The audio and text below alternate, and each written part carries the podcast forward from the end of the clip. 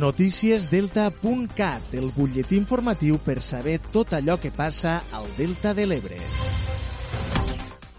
La Unió Esportiva Jesús i Maria i el Club Deportiu La Cava s'enfronten diumenge en el derbi local de tercera catalana.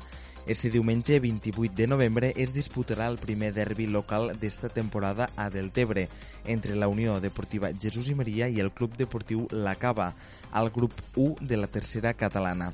El partit arriba en un bon moment per als dos equips. Els dos venen de guanyar els seus respectius partits de la setmana passada i porten encarrilada una bona dinàmica de partits des de l'inici de la Lliga. De fet, la Cava és ara el segon classificat amb 19 punts, 4 més que el Jesús i Maria, que és quint amb 15 punts. Pel que fa al Club Deportiu La Cava, més enllà de la rivalitat, necessita guanyar el partit per tal de complir el seu objectiu de mantindre's a la part alta de la seva classificatòria. Per a l'entrenador Jordi Roca es tracta d'un derbi molt esperat i confia que es veurà un molt bon partit. Tenim un derbi que mm, crec que serà apassionant, apassionant perquè els dos equips tenen molt bones plantilles, els dos equips estan confeccionats per estar a la part alta i bueno, eh, en ganes de viure, de viure aquest derbi, jo, però bueno, ganes de viure un Jesús i Maria a la cava, que sempre he vingut com a aficionat i ara pues, a les banquetes serà, serà important. Però com te dic, partit a partit, no ens volem posar, mm, no ens volem marcar res més que siguen set dies. El Jesús i Maria ve de guanyar els dos darrers enfrontaments davant el Santa Bàrbara i el Godall i en cas de guanyar se situaria a només un punt de la cava i li permetria aproximar-se als llocs capdavanters de la taula classificatòria. Josep Torres, director esportiu de la Unió Esportiva Jesús i Maria, explica que hi ha moltes ganes de derbi entre l'afició. Nosaltres la veritat és que tenim moltes ganes, no nosaltres com a, com a plantilla, sinó també l'afició i també la junta directiva. Aquí fa dues temporades que no podem tindre derbi pel tema de la pandèmia i la veritat que ho enfrontem amb molta il·lusió, en molt de treball i estem convençuts que si, si treballem tots junts i posem el que hem de posar, la victòria es quedarà a casa. Tot i així també dic que la Cava té una dinàmica molt positiva, eh, ha fet una plantilla molt contrastada, en fitxatges de renom, i que, cre que, creiem que serà un dels, un dels rivals que coptarà l'ascens. Però tot i així et dic, al camp de l'AUB és molt difícil guanyar-nos i estic convençut de que si, si fem les coses ben fetes l'equip suma els 3 punts. El derbi Unió Deportiva Jesús i Maria i Club Deportiu La Cava es disputarà diumenge 28 de novembre a les 4 de la tarda al camp municipal de l'AUB, Josep Maria Torres.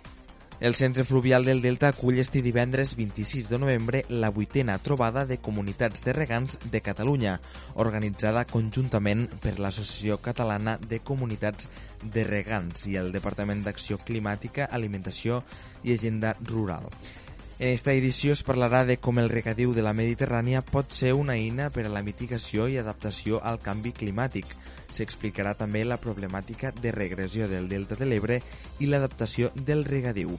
I també s'abordarà un tema de gran actualitat com és el preu de l'electricitat en el mercat elèctric i en el seu futur incert. En el marc de la trobada se celebrarà també l'assemblea anual de l'Associació Catalana de Comunitats de Regants, la trobada comptarà amb la presència de Teresa Jordà, consellera d'Acció Climàtica, Alimentació i Agenda Rural. Les famílies de l'alumnat d'infantil de l'Escola L'Assumpció de Deltebre s'han queixat per la solució temporal que s'ha donat a l'alumnat després que l'edifici d'infantil quedés inundat este passat dimarts a causa dels aiguats. Les aules d'infantil de l'Escola L'Assumpció encara no estan en condicions per rebre l'alumnat, així que, des del Departament d'Educació, s'ha decidit barrejar els alumnes de P3, P4 i P5 en dues aules que s'han habilitat a l'edifici de primària de l'Assumpció. Se tracta de 91 alumnes que se divideixen en dos classes de més de 45 alumnes per aula. Les famílies recorden que s'estan trencant els grups bombolla i que en estos cursos l'alumnat va sense mascareta a l'aula sense poder mantenir les distàncies de seguretat. La directora de l'escola L'Assumpció, Imma Colomines, ha explicat que la situació de les aules d'infantil és per una mala decisió inicial en la construcció i cada vegada que es produeix un temporal les conseqüències són pitjors. Colomines també ha explicat que degut a que ahir encara va ploure no s'ha pogut fer la neteja a fons i per això durant aquesta setmana s'ha hagut de buscar solucions temporals. I degut eh, a totes les tempestes que tenim al territori que van en augment estos darrers anys, doncs les inundacions a l'edifici cada cop són majors, que a vegades les decisions que es prenen davant de situacions inesperades no són lo més adients, però sí que ha sigut la decisió que teníem en aquests moments pues, més, més segura que teníem.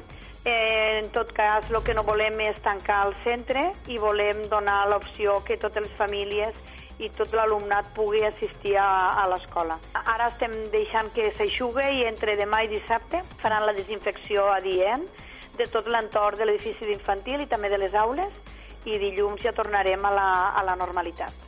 Les famílies han elevat la queixa al Departament d'Educació i moltes han optat per no portar els fills a l'escola i, a més a més, reclamen una solució urgent i immediata per a la situació de les aules d'infantil que pateixen inundacions cada vegada que plou. Ja sabeu que podeu continuar informats a través del portal delta.cat.